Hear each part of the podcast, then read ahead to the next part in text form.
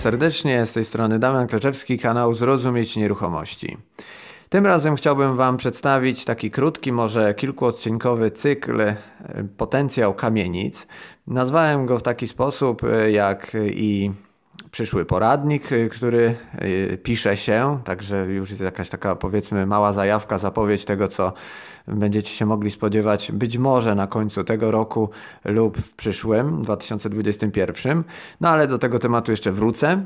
Jeżeli chodzi o sam ten cykl potencjału kamienic, no to stwierdziłem, że przez to, że w ogóle kamienice są mało rozpoznanym tematem, a w całym toku wszystkich audycji, jakie były nagrywane do tej pory, stosunkowo niewiele było omówionych takich kwestii bardzo, bym powiedział, wartościowych, jeżeli chodzi o zbijanie ceny, o, to, o ten aspekt tematyczny, który ma największy wpływ na, na cały tutaj biznesplan e, związany z takim rodzajem inwestycji, no to teraz e, zaczniemy od tych najbardziej istotnych, od tych najbardziej emocjonalnych, bym powiedział, elementów, czyli na pierwszy na pierwsze danie podsuwam Wam temat negocjacji. I właśnie tutaj będziemy, mówię w liczbie mnogiej, dlatego że będziemy tutaj razem z, w zespole Wam mówić to, co jest ważne związane z kamienicami y, i w aspekcie negocjacji będzie mój wspólnik, y, prywatnie to jest mój teść y, Krzysztof i właśnie dzisiaj poznacie te aspekty związane z negocjacjami, które sami używamy, których stosujemy i które są skuteczne i sprawdzone. Oczywiście to będzie pewien wycinek, pewien konspekt tego, żeby dać Wam do myślenia, w jaki sposób te negocjacje wyglądają, a wyglądają zupełnie inaczej niż y, negocjacje na mieszkaniach, których praktycznie dzisiaj nie ma, bądź są w bardzo okrojonej formie i wiele z tych technik, które gdzieś tam jeszcze rok temu nawet działały, już nie działają, bo jest takie ssanie na rynku, że y, po prostu y, cena jest królem i jeżeli ona jest niska, no to znajdują się klienci, którzy albo ją nawet jeszcze podbiją, albo po prostu ją zapłacą i tych negocjacji po prostu nie ma. Więc wracając już do samego tematu negocjacji. Zaczynamy już y, od y, przedstawienia mojego gościa y, i jest to, Krzysztof jest, jest tutaj już w naszym zespole najbardziej doświadczonym e, e, członkiem, bo od wielu lat jest w różnych biznesach, no i ma też właśnie największy kontakt z ludźmi z perspektywy kategorii wiekowych, bo to też jest ważne, a w przypadku negocjacji kamienic spotykamy się najczęściej ze zbywcami, którzy są 50 plus. No i w tym przypadku taka osoba, która jest zbliżona wiekiem bądź starsza, no nie niejako działa jako rówieśnik, a to ma też niebagatelne znaczenie, jeżeli chodzi o różnego rodzaju argumenty, powagę sytuacji, no i też e, wpływ finalny na jakieś podejmowanie decyzji, że, że to nie jest taka tylko negocjacja, że przyszły, przyszła para nastolatków i negocjuje kamienicę za 5 milionów, tylko faktycznie przychodzą biznesmeni, którzy chcą zrobić dobry interes. Witam Cię serdecznie, Krzysztof. Witam, Krzysztof Powiecki. Y, Krzysztof, powiedz może na początku coś o sobie, o swojej historii, jak z tym biznesem e, związanym, szczególnie z negocjacjami, wyglądało u Ciebie, a potem będziemy już przechodzić do kolejnych rzeczy już związanych z samym procesem negocjacji. Wiecie, jeśli chodzi o negocjacje, to tak jak wszędzie mówi się, do wszystkiego trzeba się urodzić. I myślę, że dlatego czuję się bardzo dobrze, bo mam ten talent ale tak jak wszędzie, talent wystarcza tylko w 10%. Żeby triumfować sukcesy, e, trzeba te 90% pracy. I dlatego moje doświadczenie, w związku z tym, że czułem się od początku bardzo dobrze w targowaniu się, e, w negocjacjach, e, poszedłem tą drogą. Przez wiele lat pracowałem w korporacji amerykańskiej, gdzie byłem negocjatorem produktów finansowych. Po wielu latach przeszedłem na, e, tworząc własny zespół i tu razem z Damianem e, zrozumieć nieruchomości jesteśmy już od 10 lat. No, y, też w tym targowaniu się to Wam powiem y, tak humorystycznie, że udało mi się wytargować y, moją przyszłą żonę, więc to też jest cenne, że stworzyliśmy zespół rodzinny. No i w tym aspekcie związanym z inwestowaniem teraz w kamienicę bardzo się to przydaje, bo ma to przede wszystkim bardzo duże znaczenie pod kątem zaufania, pod kątem spotkań, które pozwalają nam ten biznes po prostu lepiej układać i prowadzić.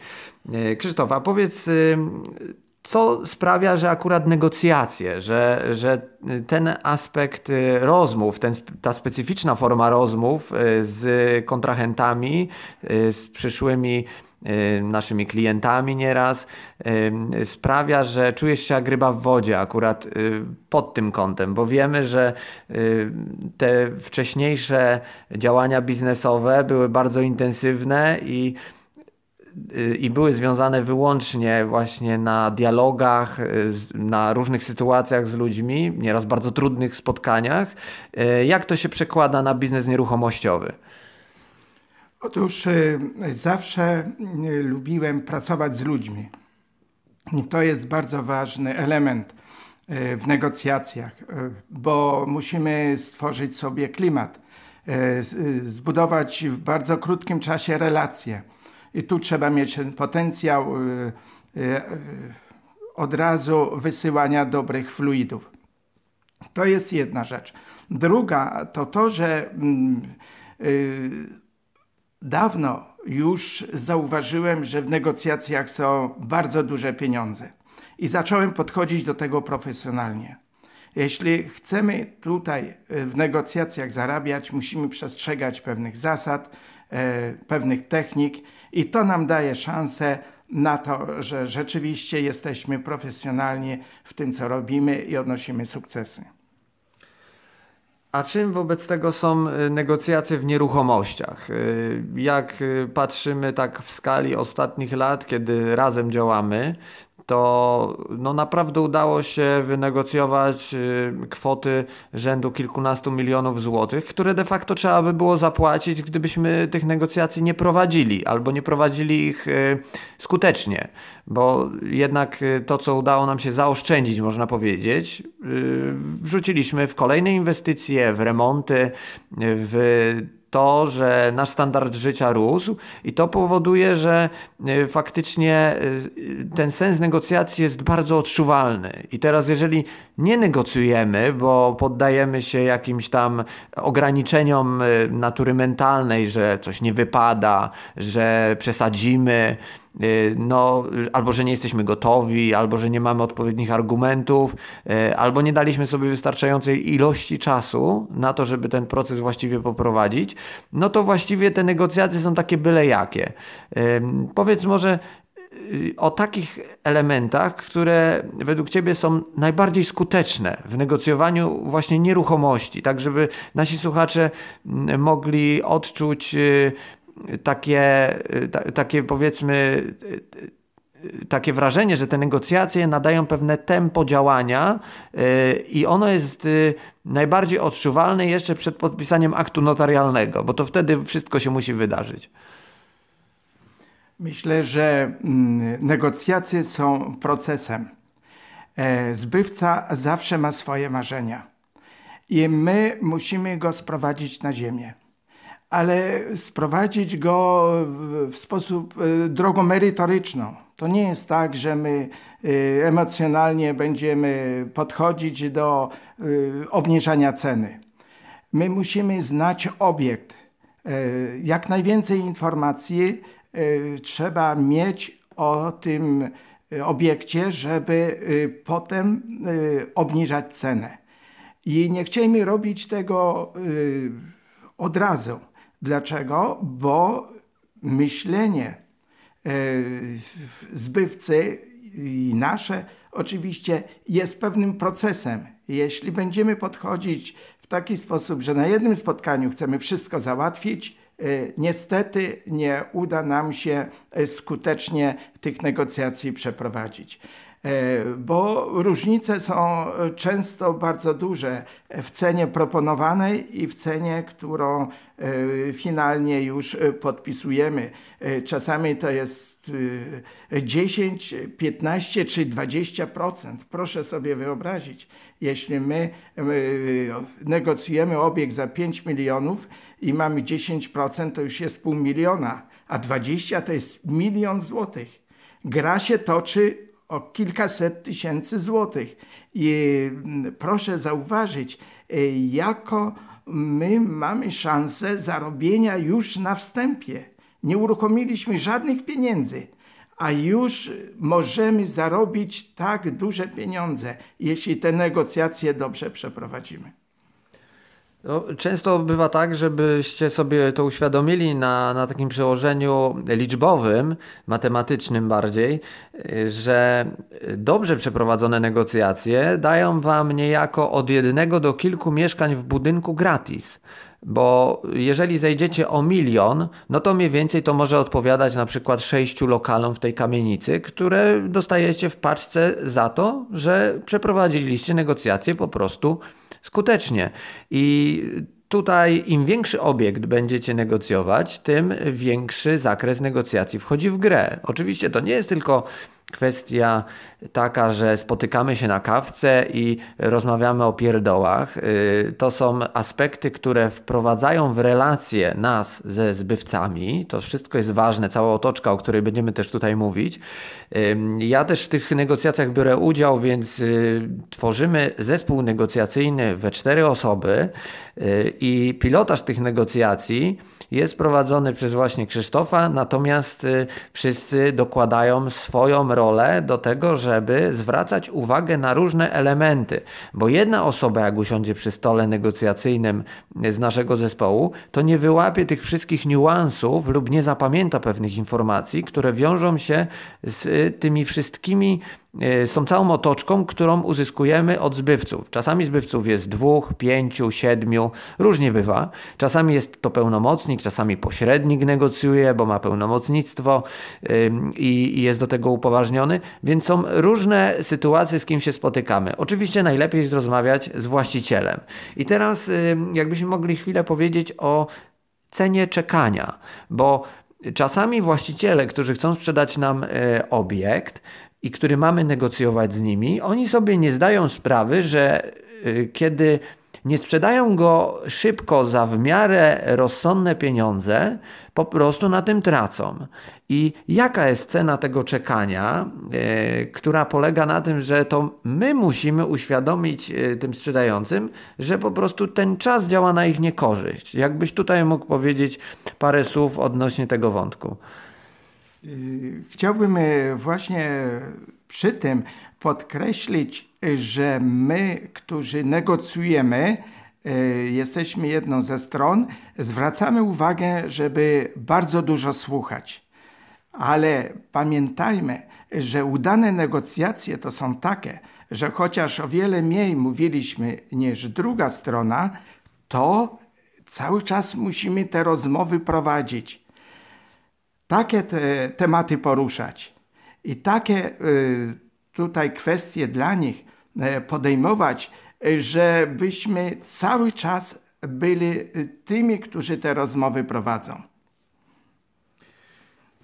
Y, jeżeli chodzi o mm, takie podejście, y, bym powiedział, ułożenia planu pod negocjacje, y, no to, no to tutaj mamy różne punkty widzenia, bo jesteśmy z jednej strony oparci o różne doświadczenia nasze w naszym zespole, mamy różny styl wypowiadania się, mamy też inne argumenty, które przychodzą nam do głowy i jak to wszystko zlepimy ze sobą do jednego działania, przy spotkaniu negocjacyjnym, to się okazuje, że nagle ten coś powie ciekawego, ten coś powie ciekawego i yy, finalnie uzyskujemy lepsze efekty. Stąd zachęcam Was do tego, żebyście negocjowali yy, przynajmniej we dwójkę bądź we trójkę, bo tworzycie yy, przewagę psychologiczną. Często tak już jest, y, kiedy jest trzy osoby ze strony zespołu, który ma kupić, w stosunku do zbywców. Po drugie, dobrze przygotujcie argumenty, czyli dobrze poznajcie obiekt, zanim zaczniecie negocjować, po to, żebyście mieli argumenty do tych negocjacji.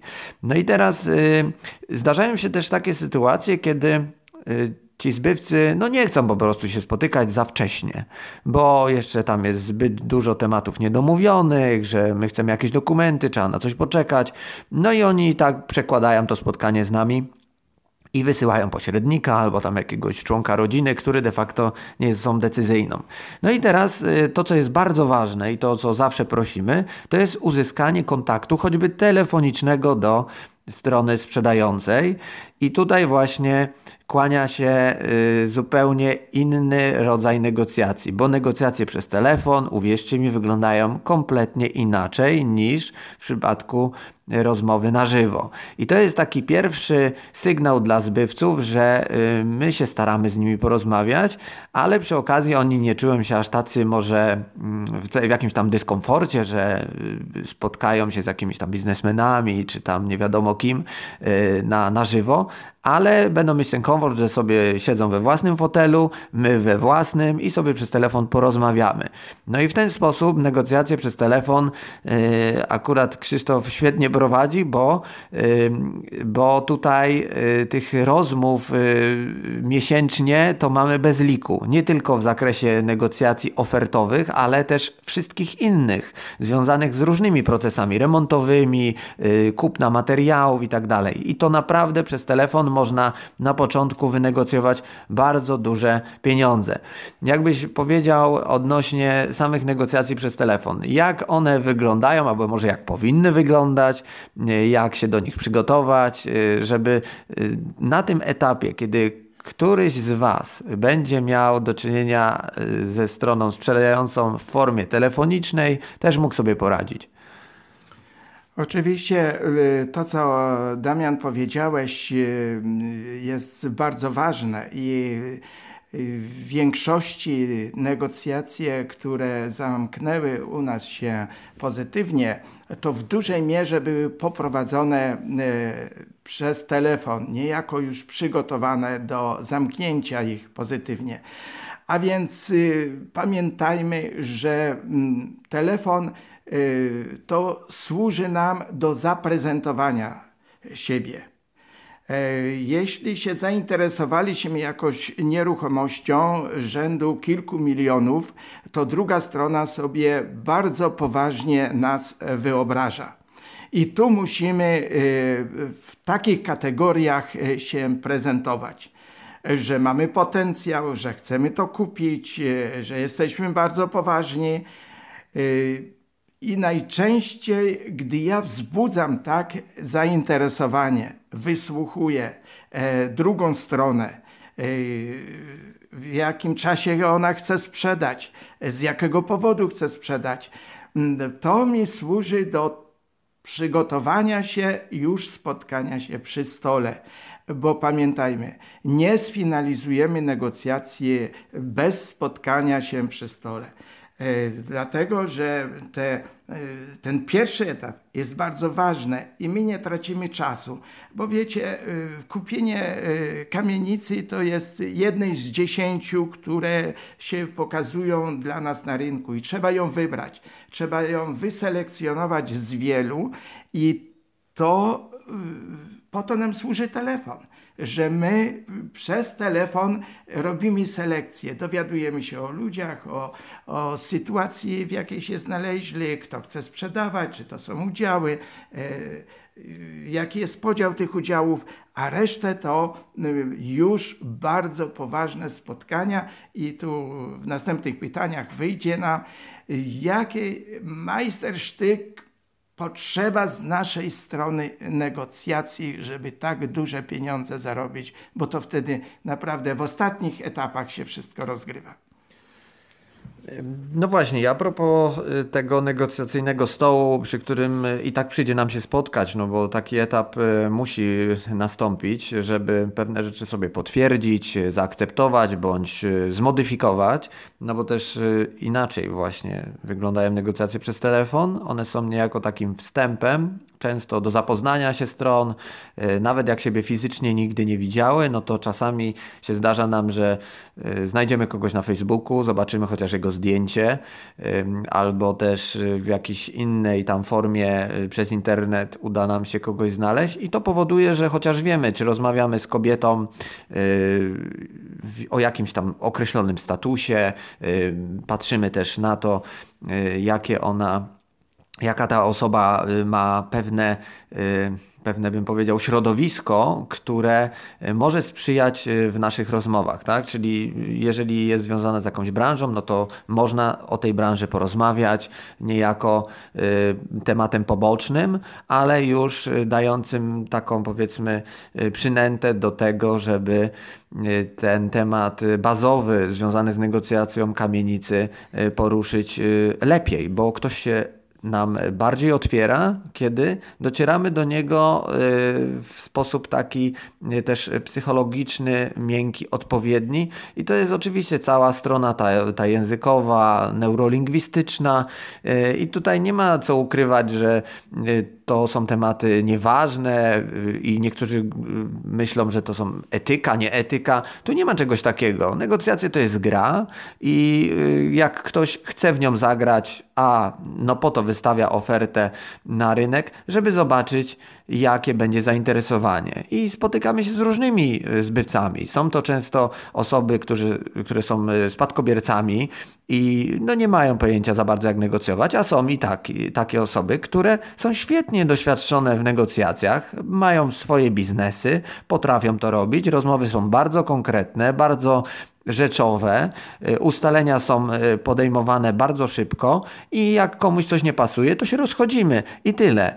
Y, nie należy się za bardzo tu nakręcić emocjami, bo one nie sprzyjają negocjacjom, ale też czasami podniesienie tych emocji w ramach negocjacji powoduje, Y, że coś y, uda nam się ugrać, że ta cena jest y, odjechana zupełnie i, i nie sposób ją zapłacić, bo to, to czy tamto. Więc te wszystkie argumenty, które, które uda Wam się zdobyć za ofertą, żeby ją kupić, ale w niższej cenie, to są wasze zaoszczędzone pieniądze. No i teraz wracając do tego stołu negocjacyjnego. No, my sobie tak y, ustaliliśmy, że będzie to taki powiedzmy nasz savoir vivre. My byliśmy też we Francji, więc y, no takie, takie słowa gdzieś tutaj y, przetaczają się przez nasze, nasze podejście, więc y, to tyle tak nawiązania może y, skąd ten savoir vivre. Natomiast savoir vivre bierze się też z tego, że jest to pewnego rodzaju taka, mm, taka maniera, bym powiedział, która de facto daje etykietę biznesową naszej spółki, naszych oso osób, które negocjują, y, wobec prezentowania się y, przy tym stole negocjacyjnym. Y, oczywiście kwestia ubioru, kwestia tego, jakim autem podjedziemy do, do biura czy też do, do restauracji, no to są jakieś rzeczy, które gdzieś tam wpłyną na tą otoczkę, więc no staramy się raczej nie podjeżdżać jakimś tam starym samochodem, tylko wybieramy te auta lepsze po to, żeby sprawić wrażenie, że mamy pieniądze. Pieniądze są też y, jakby po to y, użyte jakby w tej otoczce, że y, żeby ten zbywca wiedział, że będziemy negocjować i że możemy to kupić, bo po prostu jesteśmy na to gotowi. A czasami ten zbywca jest zmęczony już negocjacjami, bo przyjechały jakieś tam osoby, które gdzieś tam myślą o pięciu kredytach, o jakichś tam kombinacjach takich, które po prostu są niezrozumiałe nawet dla zbywcy i, i no nie za bardzo to, to to się klei. Albo czasami rozmowa jest prowadzona w jakimś obskurnym miejscu, który wyznacza gdzieś tam y, ten, ten, ten co chce kupić i to, to wszystko gdzieś ta otoczka w związku z obiektem kamienicy y, się psuje. Oczywiście tu nie chodzi też o to, żeby się wystawiać gdzieś tam medialnie na talerzu i spotykać się y, gdzieś w jakimś tam bardzo luksusowym lokalu, za, za kolację zapłacicie 1000 zł, tylko wybierajcie miejsca ustronne, takie, które będą sprzyjać tego typu rozmowom, rezerwujcie stolik wcześniej, zapowiadajcie się wcześniej, potwierdzajcie te spotkania e, jeszcze na dzień wcześniej, przypominajcie, e, bo czasami zbywca zapomina o czymś albo e, nie wie gdzie jest, albo jest z innego miasta, więc nie, nie, zna, nie zna miasta tych restauracji, które gdzieś tam się proponuje, więc najlepiej jakby to była gdzieś fajna kawiarenka nawet y, blisko tej, tej oferty, którą macie negocjować, bo to też sprzyja temu, żeby ewentualnie się przejść na, tą, y, na ten obiekt i nie tracić wiele czasu na, na dojazdy. To są takie niuanse, ale one bardzo dużo pomagają w zakresie przygotowania organizacyjnego takiego spotkania, bo już zbywca będzie wiedział, że Y, że przede wszystkim my o niego dbamy, dajemy mu jakiś komfort, czyli podsuwamy mu pewne rozwiązania na tacy, czyli wie gdzie ma przyjść, wie o której godzinie, wie kiedy, wie co będzie negocjowane, jakie zakresy i tak dalej. Więc to, to są takie przygotowawcze kwestie. No ale teraz ten savoir vivre. Jak według Ciebie powinien on wyglądać? Otóż y, pamiętajmy, y, że druga strona to też są ludzie. I my Y, jesteśmy przez nich spostrzegani, y, czy warto z nimi rozmawiać, czy nie. I otóż pamiętajmy, że zawsze mamy te 5 minut na zrobienie dobrego wrażenia. Jeśli my nie stworzymy dobrej atmosfery, klimatu, do tego, że tam ci się otwierają, że zbywca, który jest z, przy stole z nami, otwiera się na naszą rozmowę, to możemy długo mówić e, swoje, a oni swoje. E, po prostu e, zauważcie według swojego życia, ile rzeczy kupiliście albo sprzedaliście ze względu na daną osobę, która z wami rozmawiała. Wychodziliście ze sklepu z artykułami, których nigdy dla tego artykułu byście nie kupili, ale kupiliście ze względu na osobę. I to jest bardzo ważne, że my musimy y, zadbać o to, y, że oni będą chcieli nam y, sprzedać ten, ten obiekt. Na przykład w mojej tutaj przeszłości, życiorysie negocjacyjnym są dwie historie. Dwie nieruchomości kupione po kilkaset tysięcy złotych, gdzie ja nie mogłem już więcej wynegocjować i co zrobiłem? I doprowadziłem do tego, że niby się obraziłem, a więc zobaczcie, z, tu użyłem emocji. To trzeba wiedzieć, y, jak te emocje porcjować. I wtedy negocjacje zakończyły się fiaskiem. Ale to się zakończyły do, na pewnym etapie. Dlaczego? Bo na drugi dzień wysłałem dwóch z naszego zespołu, żeby podjąć od nowa, bo wiedziałem, że coś jeszcze można ugrać, ale ja już nie mogę. I co wtedy się dzieje? Im się udało. Dlaczego? Bo oczywiście mieli już cały proces, prawie cały proces negocjacyjny za sobą. Chodziło jeszcze o kilkaset, o kilkadziesiąt tysięcy złotych, bo to było y, rzędu kilkaset tysięcy złotych zakup. I wtedy y, ta osoba już po sfinalizowaniu tej transakcji dzwoni do mnie. Proszę pana, Panu naprawdę bym tej nieruchomości nie sprzedała, ale ze względu na tych dwóch chłopaków e, ustąpiłam, e, dopięliśmy transakcję. Oczywiście z mojej strony było to wszystko zaplanowane. Trzeba wiedzieć, że mamy do czynienia z ludźmi. Trzeba umieć e, użyć emocji e, w odpowiednim czasie, odpowiednią porcją. I wtedy y, mamy całkiem inną skuteczność. No właśnie w tym przykładzie, jak sobie przypominam, to było właśnie trochę tego pola emocjonalnego, y, ale też jest to fajna, fajna technika do tego, że jak jeden nie może kupić, bo gdzieś tam sprzedający się zablokuje, dlatego że gdzieś emocje się udzieliły w trakcie takiego spotkania, to jak my weszliśmy na to spotkanie i na, na drugi dzień, to po pierwsze był ta, była ta przerwa tego jednego dnia, ale niezbyt długa, bo y, ten zbywca był rozgrzany dalej do, do tego myślenia o sprzedaży. To jest jedna rzecz. Druga jest taka, że Druga jest taka, że y, nastąpiło takie, można powiedzieć, taki reset y, personalny, czyli wszedł ktoś inny, czyli rozpuściły się te emocje, które się udzieliły dzień wcześniej, ale de facto temat ten sam został znowu podjęty, ale już od innej ceny. Czyli już tamta osoba była spiłowana myślowo na innej cenie i po prostu akcept, zaakceptowała przez tą jedną noc yy, niższy wariant. Pytanie tylko jaki, i tego nie wiedzieliśmy. A przez to, że y, rozmowy potoczyły się niejako na y, drugi dzień y, i przez kogoś innego, to sprawiło, że już nie wychodziła ta osoba od ceny y, ofertowej, tylko od ceny urealnionej, czyli tej, którą y, już jest bliska naszym oczekiwaniom, ale po prostu Y, wymagało to tego przepracowania mentalnego przez jedną osobę, która emocjonalnie tutaj zbiła pewne punkty, a druga y, wariantami takimi nowego rozdania i, i y, merytorycznych jakby argumentów związanych z nieruchomością doprowadziła do tej realnej zniżki cenowej i ostatecznie do zakupu. Więc to, to pokazuje, że takie przykłady się powtarzają, tak? To są cykle powtarzalne i to nie jest tak, że tylko w Poznaniu się da coś ugrywać, a poznaniacy są, uwierzcie mi, e, dość trudnymi, e, dość trudnymi tutaj partnerami w naszych rozmowach, jeżeli ktoś faktycznie jest poznaniakiem.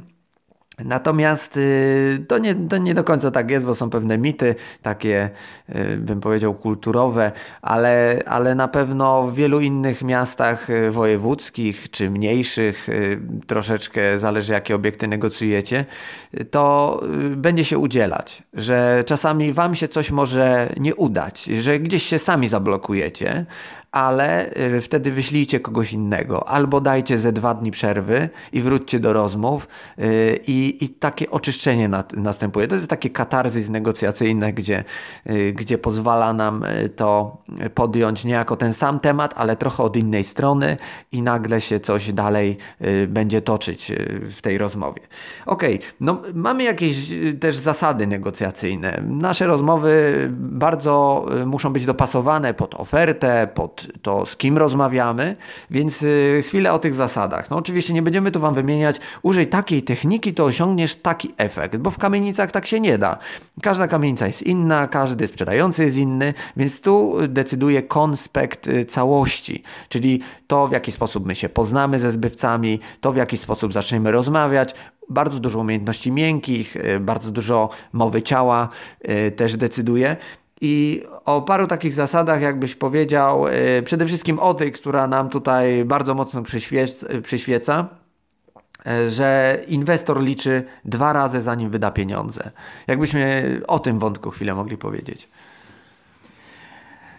Dużo mówiliśmy o tych y, relacjach y, międzypartnerskich i to jest bardzo dobre, y, jest konieczne do negocjacji, ale słusznie Damian tutaj podkreślasz wagę tego pytania, że to jest biznes. I pamiętajmy, że jeśli popełnimy błąd e, w tym obszarze przy zakupu nieruchomości, to nie jest zakup e, kilka, e, rzędu kilku tysięcy złotych, tylko to są dziesiątki, a w kamienicach to są miliony.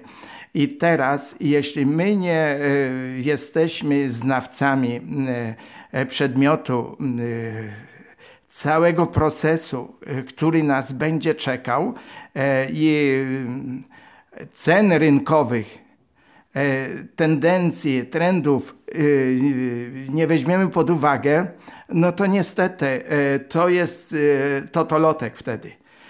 Albo wyjdziemy na tym, albo przegramy. A dobry biznes niestety tu nie może na, na to sobie pozwolić. A więc pamiętajmy o tym, że mm, musimy y, merytorycznie znać przedmiot naszego zakupu, być już wytrawnymi w tej branży i dlatego proponujemy Wam, żebyście korzystali z doświadczenia najlepszych na naszym rynku. My, zanim kupiliśmy pierwszą nieruchomość, korzystaliśmy ze szkoleń najlepszych. I dlatego każdą, którąkolwiek kupiliśmy, odnieśliśmy sukces. Zarobiliśmy, no tak, to jest y, też naszym pewnym mm, poliszynelem, ale około 40% na naszych inwestycjach zarabiamy. A więc proszę zauważyć, jak lukratywny jest ten biznes pod warunkiem, że dobrze to zrobicie, dobrze to przeprowadzicie, a nade wszystko oprzecie się na, doświad na doświadczeniu i wiedzy tych, którzy od lat to robią. No oczywiście y, każda, każda oferta, jak już wspomniałem Wam, jest, jest inna, więc y, tutaj należy ją dobrze przebadać, żeby przede wszystkim przygotować tempo negocjacji, wachlarz opcji negocjacyjnych i już e, będziemy zmierzać co prawda do końca e, tego wywiadu, ale to wszystko i tak będzie zawsze zmierzało do tego, że e, czekamy z naszej strony po takim jednym, drugim czy trzecim spotkaniu negocjacyjnym na taką transformację w myśleniu o innej cenie. I, I, to jest bardzo ważne, żebyście zasiali podczas tej rozmowy waszej ze zbywcami inną cenę w ich głowach. Bo oni chcą na przykład jakąś okrągłą sumę, typu sprzedają za 5 milionów i chcą 5 milionów, bo za 5 milionów kupią sobie to, tamto czy tamto. I już mają jakiś plan. I teraz nie wyobrażają sobie, żeby dostać 4 miliony albo 3 miliony 995 tysięcy. Tak?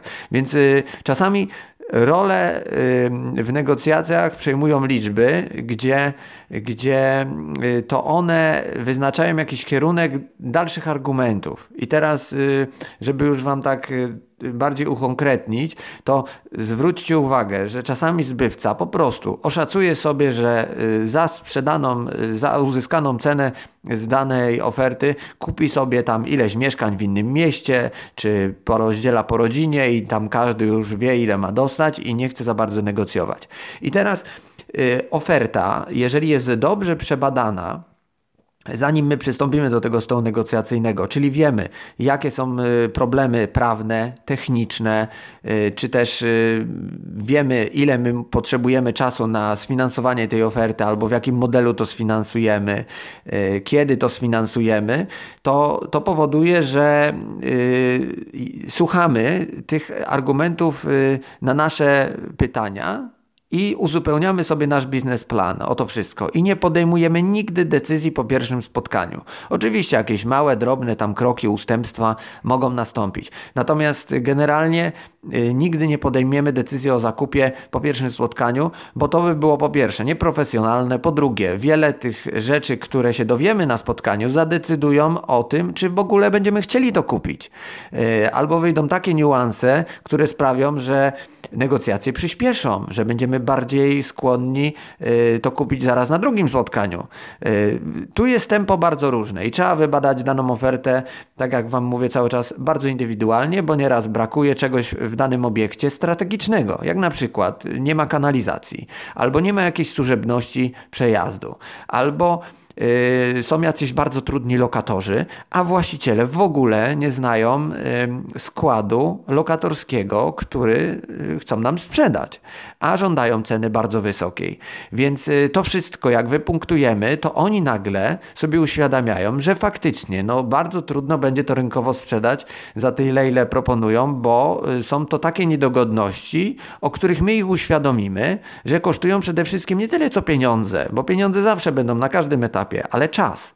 I teraz jak mamy trudnych lokatorów, bo są to na przykład osoby starsze, jakieś niepełnosprawne, y, albo z przydziału lokatorskiego na, na takich umowach, y, które dość długo Y, się tutaj wleką w czasie, żeby je doprowadzić do stanu takiego, że ten człowiek się faktycznie wyprowadzi, no to powoduje to wszystko, że, że nagle ta cena zaczyna się topić. I to jest bardzo ważny element, żeby dopuścić do zasiania tego ziarenka o innej cenie. To myślenie o innej cenie już jest waszą wygraną, bardzo dużym krokiem do tego, że zarobiliście kupę kasy, bo już wiecie, że jak wyjściowo jest na przykład y, cena 3700 y, za metr i już stopicie ją na 3500 za metr czy 300 za metr, no to na każdym metrze zyskujecie y, naprawdę sporo, bo cały budynek wykreuje wam bardzo fajną pewnie liczbę mieszkań, którą sobie bardzo łatwo już można wtedy przeliczyć przed remontem czy po remoncie, ale to będziemy mówić e, w zakresie innym, e, innego tematu za jakiś czas. E, natomiast wśród tych tego wachlarza opcji negocjacyjnych, y, kiedy siadamy ponownie do stołu, y, tu jeszcze na sam koniec, jakbyś mógł, y, Krzysztof, powiedzieć, co jest ważne, kiedy, kiedy jeszcze raz się spotykamy ze zbywcami, żeby coś od, o, omówić ponownie po tych pierwszych wstępnych rozmowach telefonicznych, po tym pierwszym spotkaniu, które gdzieś tam było, jak to drugie czy tam trzecie spotkanie najlepiej poprowadzić, żeby uzyskać domknięcia pewnych kwestii, żeby y, zbywca zgodził się na nasze warunki, ale w taki sposób, żeby też poczuł, że jest zadowolony z tego, że się nam na coś zgadza. Otóż ostatnio jesteśmy przy podpisywaniu y, umowy y, na zakup kamienicy. Dzięki temu, że przez te rozmowy telefoniczne e, daliśmy informacje, przekazaliśmy, że y, jakie są nasze możliwości, co jest w naszym biznesplanie. I nie to tylko, że to są e, takie warunki, które my sobie wymyśliliśmy, ale takie warunki dyktuje rynek. I otóż y, kamienica była, mm, y, cena ofertowa była 8 milionów. Proszę sobie wyobrazić, że my y, z naszymi współinwestorami kupujemy ją za 5700. E, A więc widzicie, jaki to proces musiał się dokonać w myśleniu tych ludzi, żeby z ich marzenia, tych 8 milionów, bo rzeczywiście kamienica piękna, 2200 e, metrów i tak dalej. No, ale rzeczywiście to trzeba było e, z tej ceny dużo zejść. I nam się udało. Dlatego, że to wzięliśmy etapowo. Najpierw e, wysłuchaliśmy, dowiedzieliśmy się drugiej strony, dowiedzieliśmy się, ile oni chcą. Potem y, zaprezentowaliśmy się, że jako, jako ci, którzy chcą kupić i są bardzo poważnymi graczami na, na rynku nieruchomości, ale też po, poruszają się w pewnych realiach. I to właśnie pokazaliśmy im, że to nie jest nasz kaprys, że taką cenę aż chcemy uzyskać ale pokazaliśmy na przykładach różnych nieruchomości, że nikt inny więcej im nie da. Tu pamiętajcie, że przystępując do takiej gry negocjacyjnej, y, wchodzimy w taką rolę, która jest dla zbywców y, zupełnie inna, czyli tutaj nie będzie kupującym osoba, która hobbystycznie chce po prostu mieć kamienicę, tak jak y, oni mieli przez lata i tak sobie będzie to przez kolejne, nie wiem, 10 czy 20 lat sobie u, u tego nowego właściciela siedziało w portfelu, on tam nic nie będzie robił i po prostu sobie ma kaprys kupić kamienicę. No tak się nie dzieje.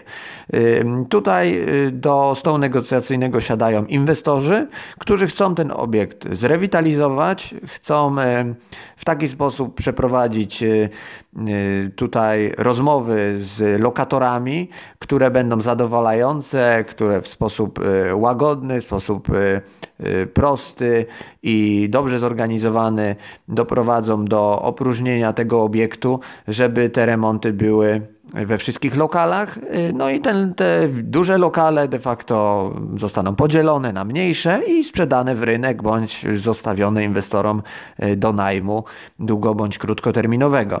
Y, więc no, cel jest niejako inny, więc oczywiste jest dla tych zbywających, że te negocjacje muszą wystąpić. I oni, kiedy przygotowują się do sprzedaży w rodzinie, czy tam y, dostali spadek, czy tam jedna osoba, czy dwie y, rozmawiają, no to oni wiedzą doskonale, że przyjdzie ktoś, kto będzie chciał tą cenę y, negocjować. I tylko nie wiedzą, kto przyjdzie i jak będzie to robił.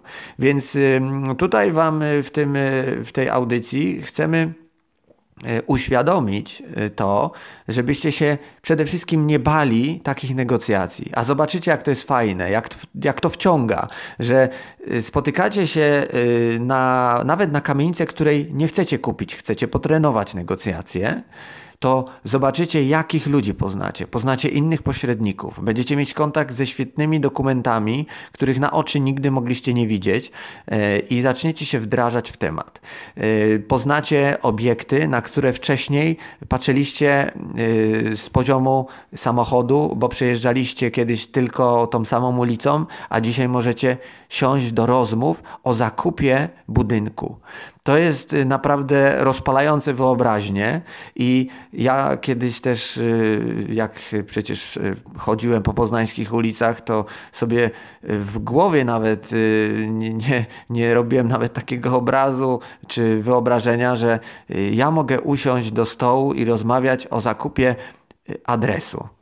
Że mogę kupić numer z budynkiem. No to jest coś niesamowitego, że kupimy na przykład ulicę y, jakąś tam numer 15 czy 16. Y, I, i to, jest, to jest y, rozpalające wyobraźnię, bo w tym budynku jest masa jednostek mieszkalnych. Jest y, zupełnie inny standard y, rozmów, zupełnie inny standard prowadzenia tego biznesu i naprawdę to są trampolinowe etapy w życiu inwestora, kiedy przechodzi z mieszkań na kamienicę bądź deweloperkę i odczuwa e, komfort, e, duże zyski, wchodzi w ciekawe relacje, rozwija się bardziej i to powoduje, że, że naprawdę czujecie się, że wchodzicie na wyższy poziom inwestowania w nieruchomości.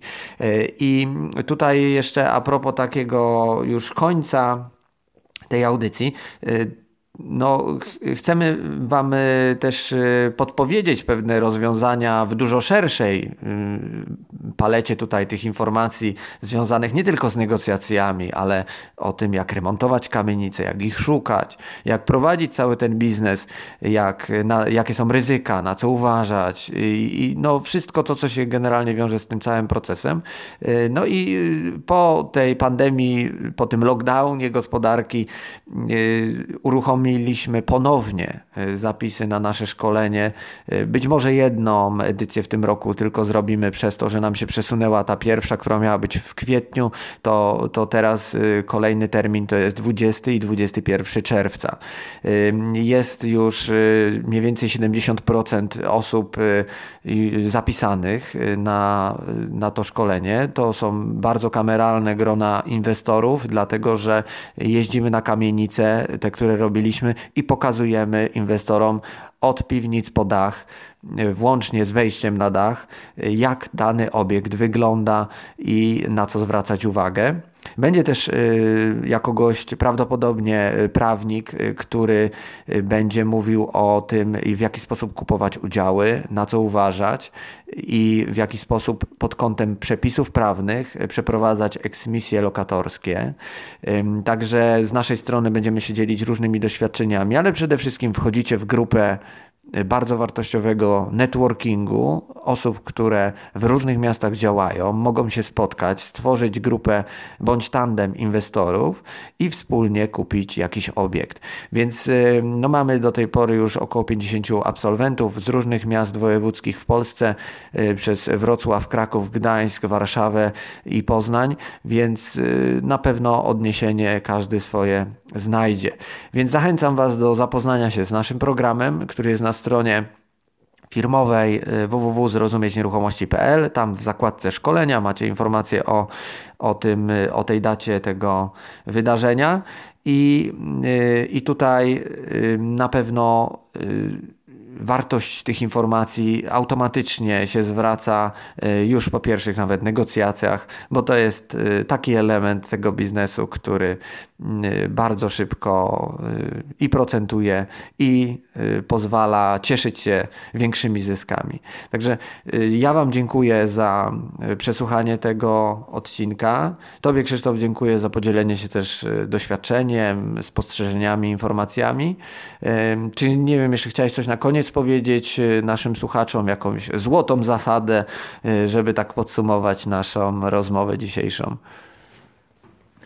E, dziękuję bardzo. Również, ale pamiętajmy, że czasami jest nam szansa dana tylko raz może trzeba będzie 10-15 lat poczekać, żeby ją jeszcze drugi raz otrzymać, bo tak jak w wielu przypadkach e, u nas, e, że ta nieruchomość, którą e, jakbyśmy my nie kupili, to już by jej nie było. No i przede wszystkim to potężne doświadczenie, które pozwala nam wypłynąć na szerokie wody inwestowania. Do zobaczenia na naszym szkoleniu.